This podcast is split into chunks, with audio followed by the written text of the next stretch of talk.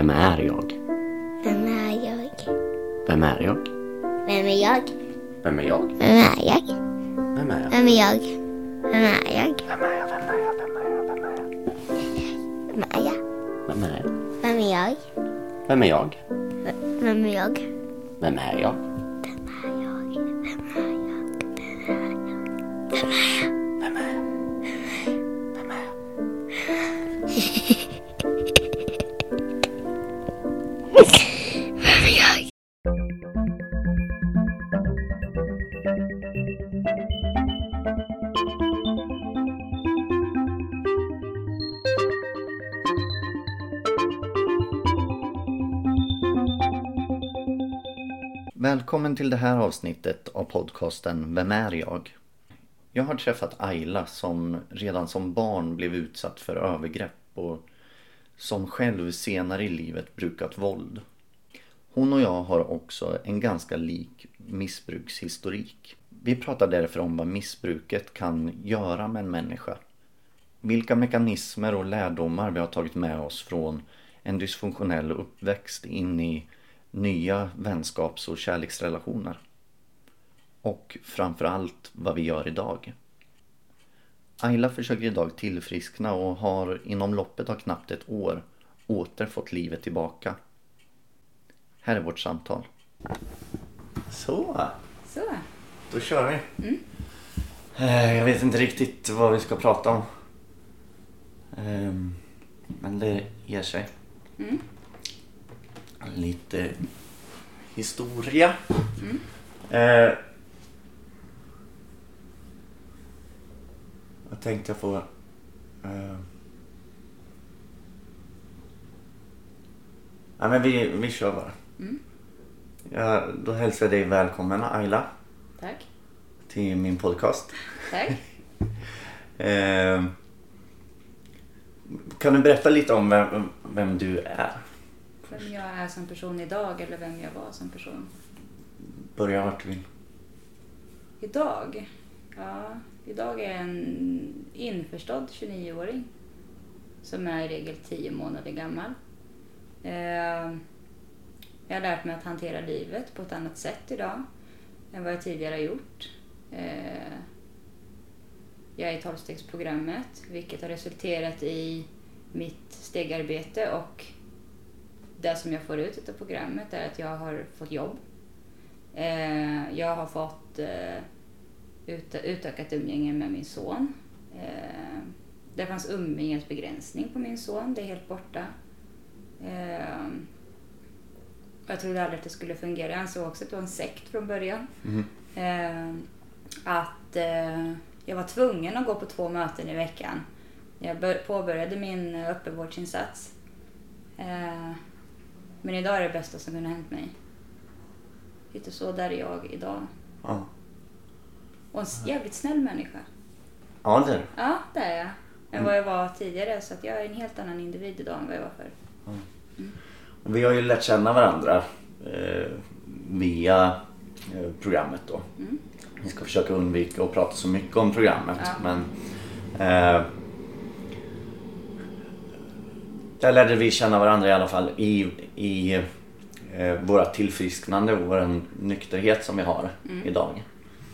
Eh, sen har ju du och jag båda två eh, väldigt eh, skitiga och smutsiga eh, historier bakom oss så att säga. Eh, och som jag tänker att vi ska prata lite om också. Även om, om jag personligen kanske tycker om att berätta vad som fungerar idag. Så att säga. Eh, men jag har ju en ganska lik eh, missbrukshistorik eh, du och jag. Vi har tagit ungefär samma droger eh, och hela den biten. Mm, är din huvuddrog, vad är din huvuddrog? Eh, Så som att jag har klivit på missbruket två gånger. Första är ju metamfetamin, är ju min huvuddrog. Eh, andra vändan så klev jag på MDPV och det varit min huvuddrog. För min huvuddrog egentligen är ju alkoholen. Mm. Eh, sen så sista året så gick jag också på metamfetamin. Eh, alltså, ja, konstant egentligen i ett, i ett helt år nästan. Man kan säga med alkoholen till exempel, då är det ju där en del av min huvuddrog också. Alltså i samband med amfetaminet.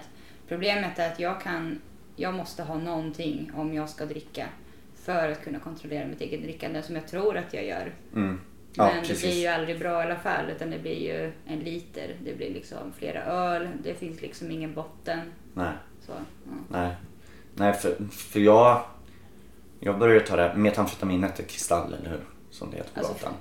Det är en form av metamfetamin. Hur det ser ut idag så är det mesta syntetiskt. När Ja, jag höll jo. på så liksom, hur ska man förklara, som folk säger idag, men det finns inga bra grejer på gatan idag för allting är syntetiskt. Ja, När jag påbörjade min, amfetamin, min amfet- metamfetaminperiod liksom, på fyra år, då var ju det liksom eh, ren amfetamin. Mm. Eller metamfetamin. jo men så var det för mig också. Ja, Och, men sen så blev det ju, och det har ju med att, att saker och ting är lagliga liksom. Eh, Innan de klassificeras eh, som illegala. Så att de, de syntetiska tar ju över liksom. Jag vet att det till och med fanns eh, syntetisk kokain ja. eh, under, ju- under min slutperiod liksom. Samma här testet på. Ja. Och det är ju en starkare effekt Ja, än vad det är på det vanliga. Ehm, men i alla fall, jag använde kristall då det här sista året. För att eh, få den här kontrollen över alkohol och det var också så som jag trodde att jag hade då. då. Eh, för att jag fick mindre alkoholsug inbillade jag mig och hela den där biten. Vilket sen kom tillbaka naturligtvis och sen satt jag där med en 70 eller så. Eh, Men det var också därför jag började. Jag började ta amfetamin och kokain för att då kunde jag dricka hur mycket som helst utan att bli dumfull och dum i huvudet liksom. Tyckte jag. Ja, det är ju det. Eh, sen försvann ju den effekten liksom Ja. ganska snart. Som det tonas ju ut på alla droger. Ja. jag. Hur jag tänker kring det, det är ju det att vi tror ju oss att vi kan hantera läget. Mm. Delvis jag tyckte ju att eh, liksom, jag var ju absolut ingen alkoholist i början.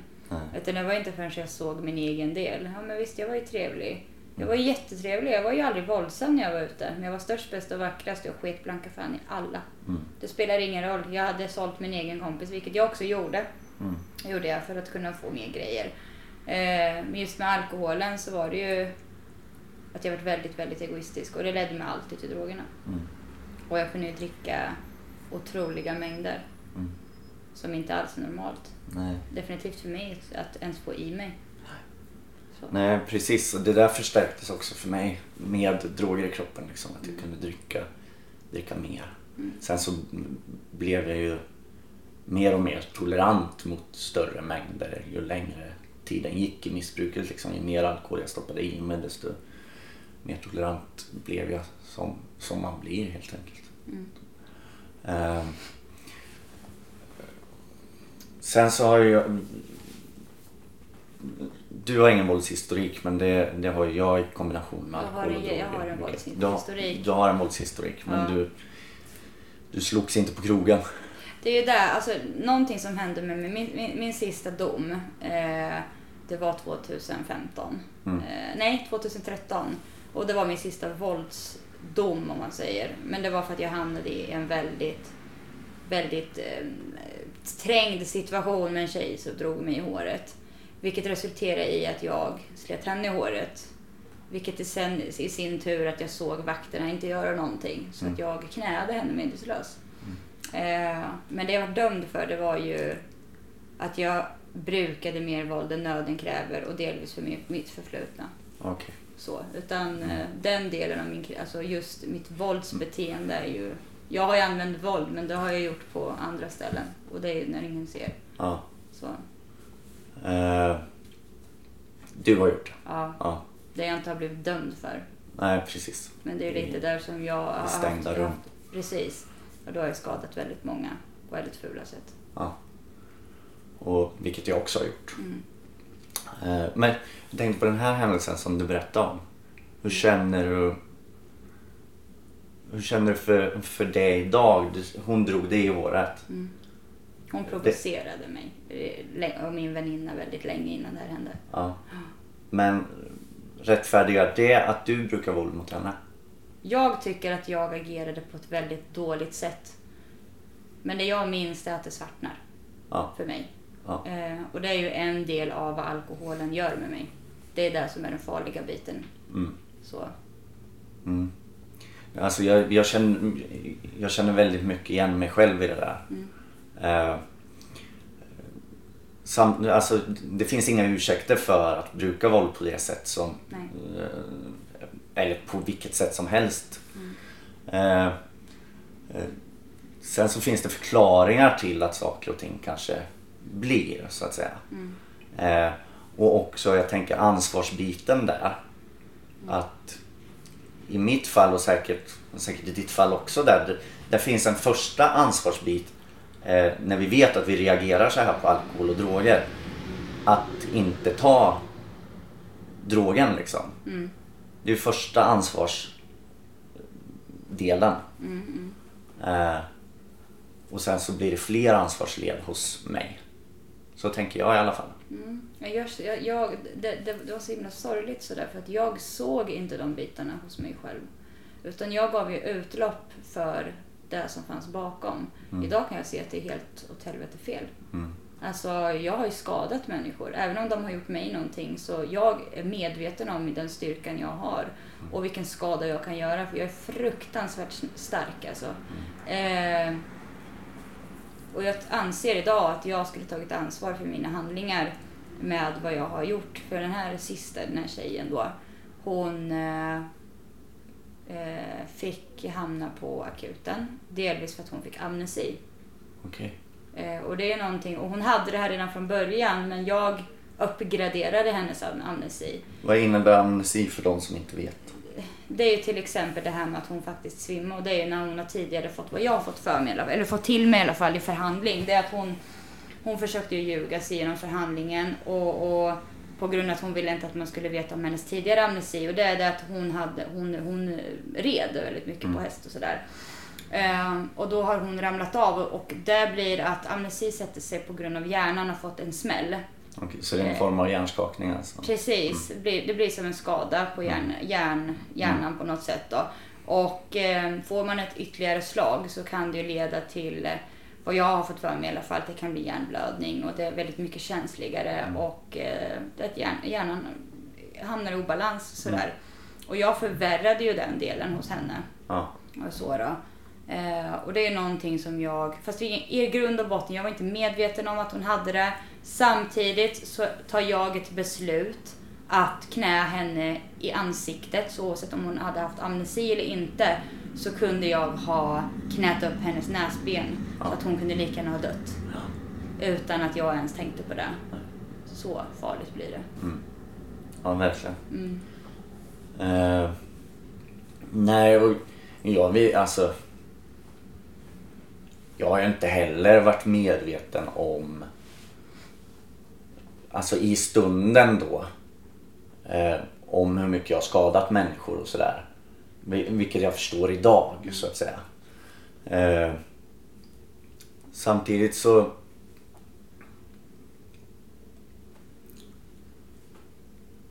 Och, menar, alltså, jag menar, jag har ju varit väldigt an, ansvarslös och inte tagit ansvar då, många gånger. Jag försöker ta ansvar idag. Eh, och också tillfriskna. Det är ju ett ansvar. Att se till att inte hamna där igen, tänker jag. Eh, samtidigt så är väl både din och min inställning, som jag har förstått det, jag såg en Instagram-post du hade lagt upp också. Att eh, det som vi har gjort, det kan vi inte, hur mycket vi än vill spola tillbaka tiden eller åka tillbaka och göra det ogjort, så går ju inte det. Eh, så ja, hur Alltså- tänker du kring det? Alltså det jag tänker det är det på grund av att jag har ju levt i mitt förflutna. Mm. Jag har ju försökt, det jag har varit utsatt för sen jag var, det är väldigt, väldigt, jag har ju minnen sen jag var ett. Ja. Väldigt traumatiserad barndom. Eh, inte alls mått bra. Eh, Men om jag ständigt ska leva i det förflutna så kommer jag aldrig vidare. Utan det jag kan göra, det är att förut har jag sagt att men jag kan använda mig av min barndom till att hjälpa andra. Men det jag missade på vägen det är att först och främst är det mig själv jag ska hjälpa. Så idag gör jag det. Även om jag, jag har varit med om det här. Men eh, jag accepterar det. Idag kan jag acceptera mina förövare också. Vad de har gjort. För att de är ju faktiskt sjuka själva. Och, och om jag inte kan förlåta dem, hur ska jag då komma, komma vidare? Ja. Jag kan ju aldrig göra det. Så att, eh, och det var ett jätte, jättekonstigt men väldigt befriande beslut. Så. Vill du berätta lite om, om det? Mm, och det kan jag göra. Eh, Min styvpappa, jag kan börja till exempel med vissa, vissa sådär. Mm. Min styvpappa, från att jag var fem år till jag var tolv, så levde jag ju under både olika delar av våld, både fysiskt, psykiskt, eh, materiellt eh, och andra delar av misshandel. Eh, extremt psykiskt. Eh, och det är någonting, jag vet att när jag var 15 år, då ville han be mig om ursäkt.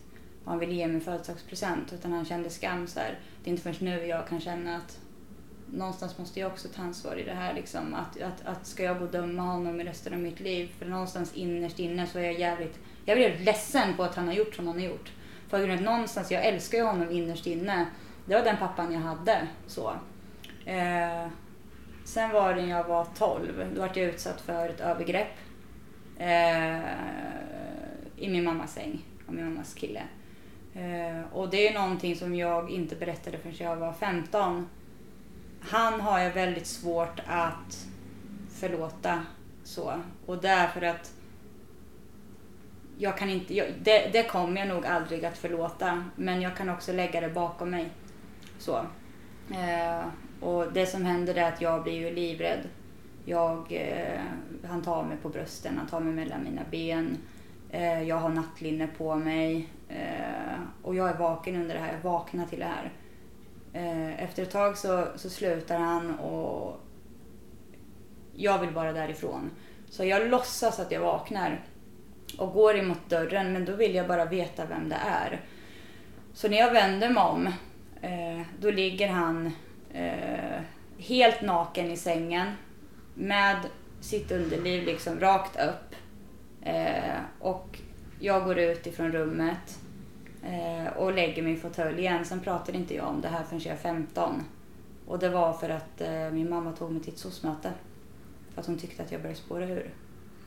Eh, och jag sticker därifrån, ifrån SOS-mötet. Jag, jag, jag lägger det här rakt av, hur jag känner.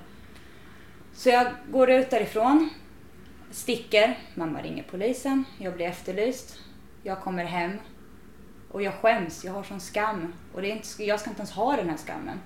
Eh, men det jag gör, det, eller det hon säger till mig när jag öppnar dörren, det första hon gör, för det första så är hon inte nykter. För det andra så säger hon, du utnyttjade bara situationen för att få vara ute. Sen har det aldrig pratats mer om det. Det gjorde en an, gjordes en anmälan, men det hjälper inte.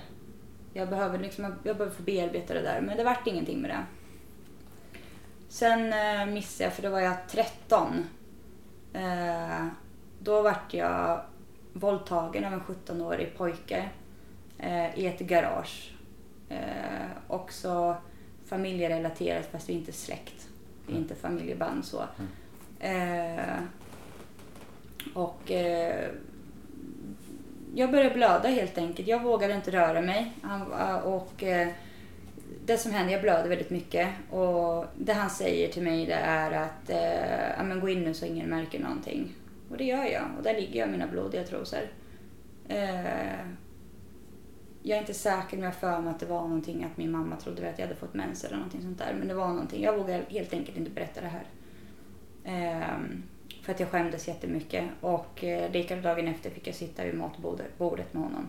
Så att det var jag tyst om. Eh, på grund av rädslor. Så. Eh, och sen när jag var 16 så var jag utsatt för våldtäkt i mitt eget rum. Av eh, eh, då eh, en utlänning. Det här är också när jag har inga, det, är det, som är, det är det som är så fint med mig. Det är att jag, jag är ingen rasist eller någonting, men jag har så svårt att jag kan aldrig gå in i en relation med en utländsk man på grund av att det har satt sådana spår i mig. Och det är så sorgligt, för jag har så mycket vänner som är utvandrare, eller invandrare. Eh, men han, jag vart drogad på min 16-årsdag. Och det vet att jag vaknade upp i, mitt i akten och eh, tittar honom i ögonen och är paralyserad. Jag kan alltså inte röra mig. Jag känner inget. Tacka gud för det. Jag kände ingenting. Eh, jag kan bara ligga där och ta emot och titta på honom medan han flåsar och, och allting. Eh, och där jag ser åt sidan som ligger, bre- eller som ligger på golvet också. Det är hans, den här personens, jag tror det är, eh, ja de släkt i alla fall. Eh, och eh, han, då får jag veta senare sen att han ligger med en prostituerad i mitt rum. Och jag är 16 år gammal och är hemma i mitt rum. Så. Eh, och sen har det sett ut så, där har jag ju tappat min självrespekt för mig själv. Börjar jag ligga runt liksom. Eh, jag var kallad hora när jag var 15, vilket, och då hade, jag, då hade jag inte ens haft sex självmant med någon, utan då hade jag verkligen inte gått in för att jag ville. Eh, men sen så började jag göra det. Jag tänkte okej, jag skiter i det här nu då. Jag kör på det här. Och det här har lett till att jag är 29 år. Jag har två barn. Jag är otrogen i relationer och har skitsvårt för att respektera män. Det har präglat mig liksom. Eh, men när jag pratar om det så känner jag inte mig arg på något sätt. För det är sjuka människor. Så. Jag känner ingen, jag känner ingen, alltså jag känner ingenting emot det. Jag behöver faktiskt inte ha med dem i mitt liv att göra. Nej. Så det är väl det. Och eh, sen finns det ju olika övergrepp också. Jag har min sons pappa. Eh, och då är, där har jag beskyllt mig själv, men det är egentligen inte mitt fel. Eh, jag var, jag eh, var väldigt påtänd på väldigt, väldigt tunga droger. Eh, och jag blir hjälpt upp för trappen och där sätter han på mig helt enkelt. Och medan jag har en hink bredvid och spyr. Så. Eh, och där kan jag inte heller riktigt... Sen jag tillfrisknade så, sådär och, och har gått igenom vissa saker med mig själv så kan jag inte döma för att jag har sålt min kompis för droger. Alltså jag har... Alltså jag har varit våldsam i sexuellt beteende mot män. Alltså jag har slagit män. Sådär, för att jag själv vill ha det. Eh, och det ligger ju i garanterat mina övergrepp. Så, och det jobbar jag med idag. Eh, Men du sålde din kompis för droger, du har varit våldsam. Eh, Går det att likställa med övergrepp? Liksom? Det jag har gjort, Ja, absolut. Det är ett, jag har ju begått övergrepp. Har jag, jag tänker sexuella övergrepp. Det är ju sexuellt övergrepp. Ja, Att, att slå en annan man som inte ens själv är våldsam Mm. och, och, och göra som jag har gjort och ta strypgrepp för att jag vill, ha, jag vill uppnå det klimax jag vill ha.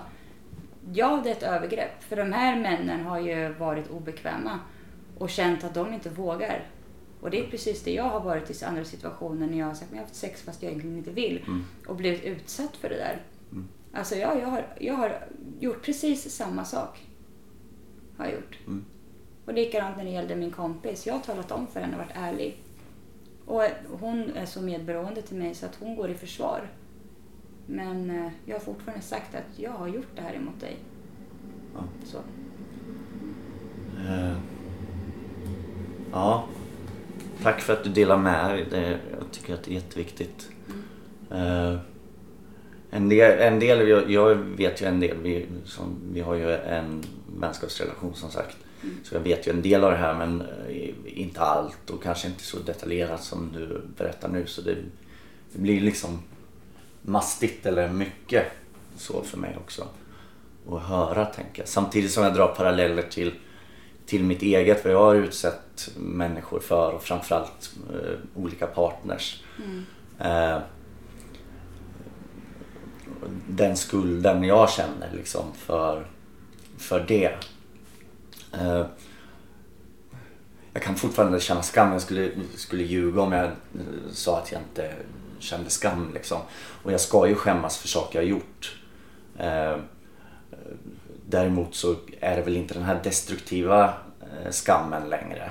Som jag kanske drack och drogade på förut. Utan att det är den här sunda skammen. Jag har gjort människor illa. Därför känner jag skam och skuld. Och att, att det är ju sunt någonstans ändå. Ja. Eh, samtidigt så... Så när jag hör på dig så... Jag tycker det där, alltså de saker som du har varit med om är fruktansvärt.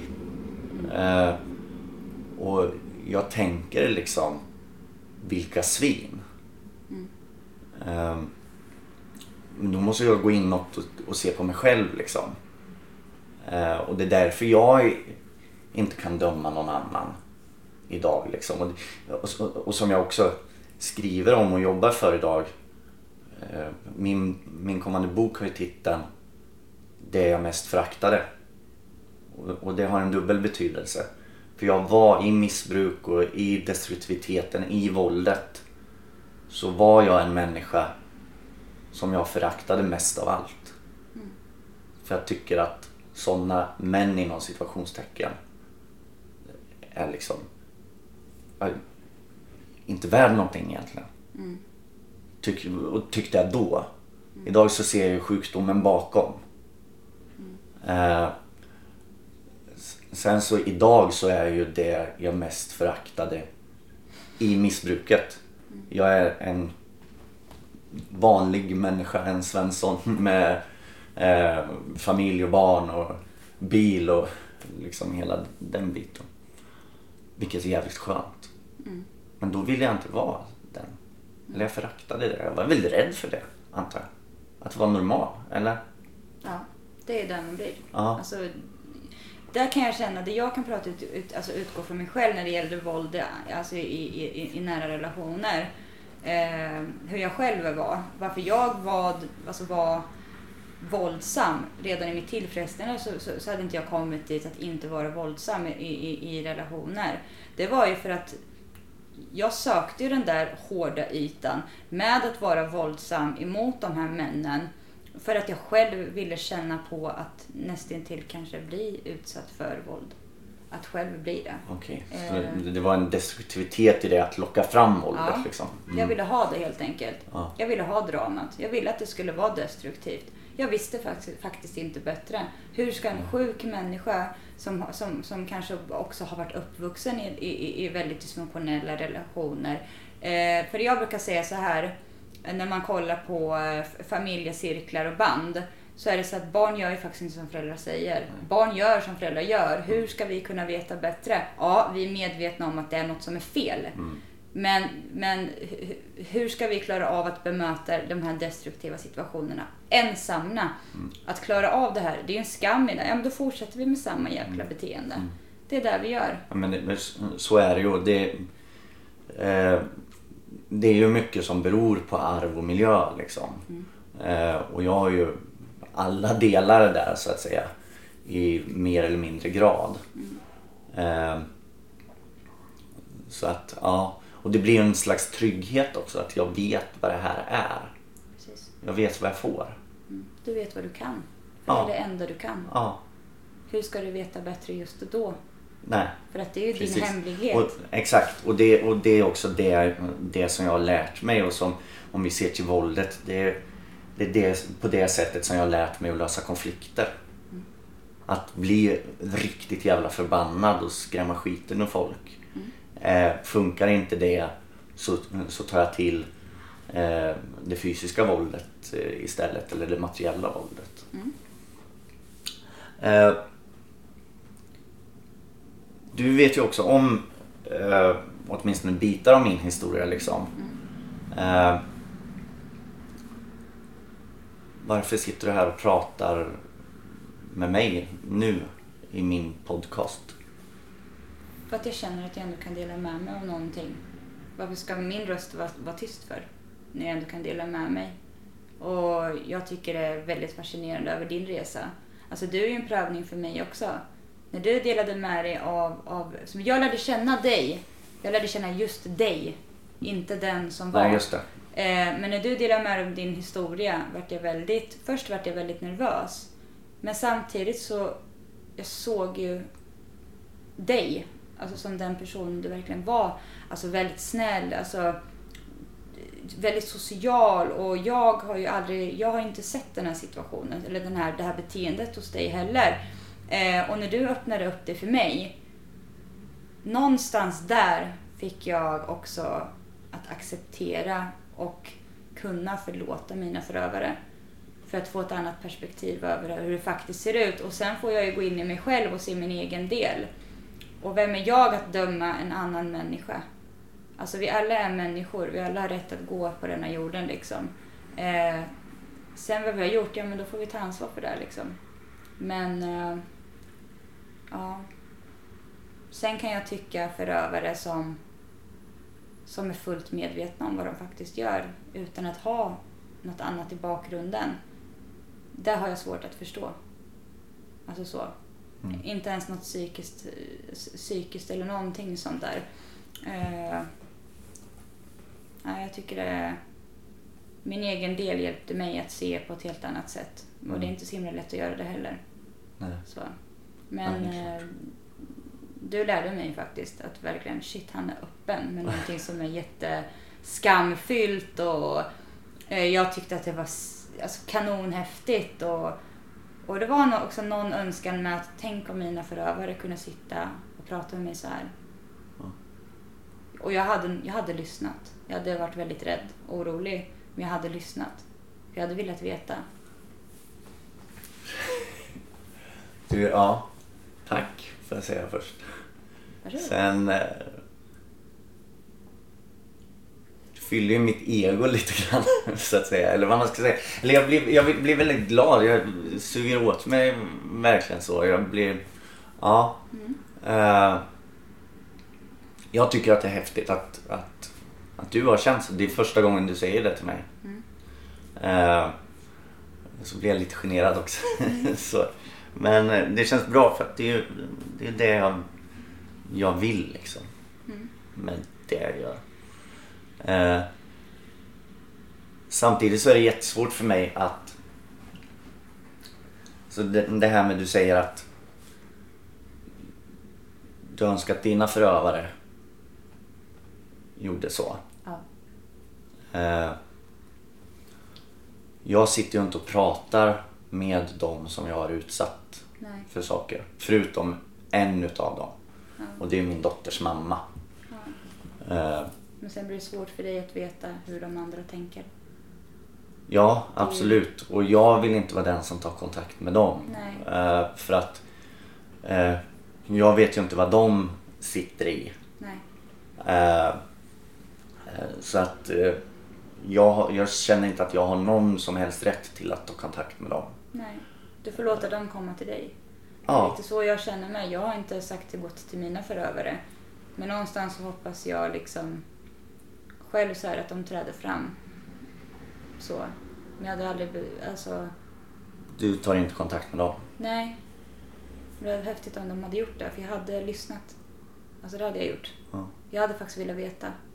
Men vill du att de tar kontakt med dig då? Eller Jag hade, velat, jag hade velat att, att de åtminstone skulle kunna vilja ta kontakt med mig och, och varit ärliga och bett om ursäkt. Ja. Och jag hade förlåtit det. För, för min egen skull. För jag har ju valt att inte ta kontakt med mina. Mm. En har jag suttit i rättegång med och försökt att ta så mycket ansvar jag har kunnat. Mm. Där, så att, det känns liksom... Då blir det ett bemötande du har gjort. Det, det blir ett bemötande där och hon sa under rättegången att hon inte ville ha någonting med mig att göra när hon fick frågan om hur hon kände för mig idag. Liksom. Och då, då får jag bara acceptera det. Mm. Och där är det ju ganska klart och tydligt så att säga. Eh, ja och sen så fin, finns det, det finns mycket i det här liksom. Jag, jag vill inte heller gå in i, i detalj för, för att det känner inte jag att jag har rätt att göra heller och prata om andra liksom. Jag kan bara prata utifrån mig själv. Mm. Eh, så. Du gör ju det nu. Ja, jag gör det nu och jag... Ja. Mm. Nej, precis. Eh, jag tycker att det är häftigt, eh, din resa och stort och att... Att... eh, ja, men att du har fått den inställning till livet som du, som du har idag liksom. Eh, många gånger, jag menar... Vi... Vi har ju samma dag, födelsedag så att säga i nykterhet. Eh, och eh, även fast att jag har eh, lite längre än dig. Eh, så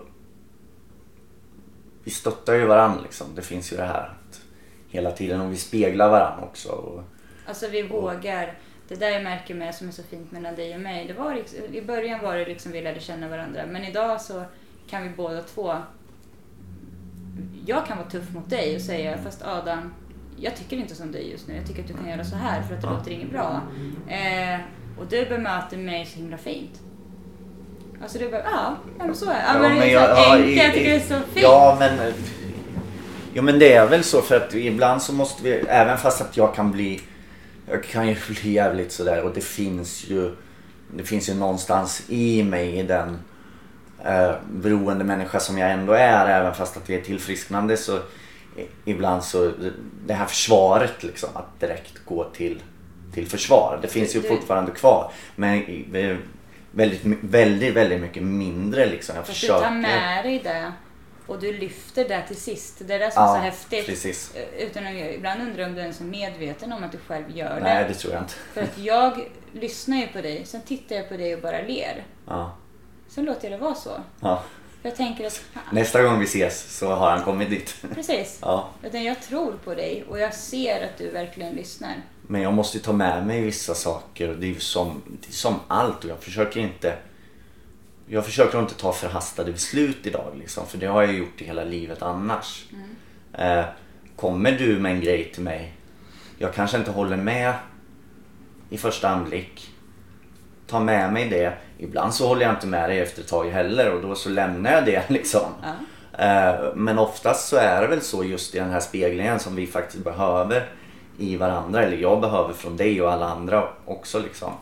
Att det finns någon eh, sanning i det så att säga. Så att då, då kommer jag till insikt med att ja, men, det är nog så.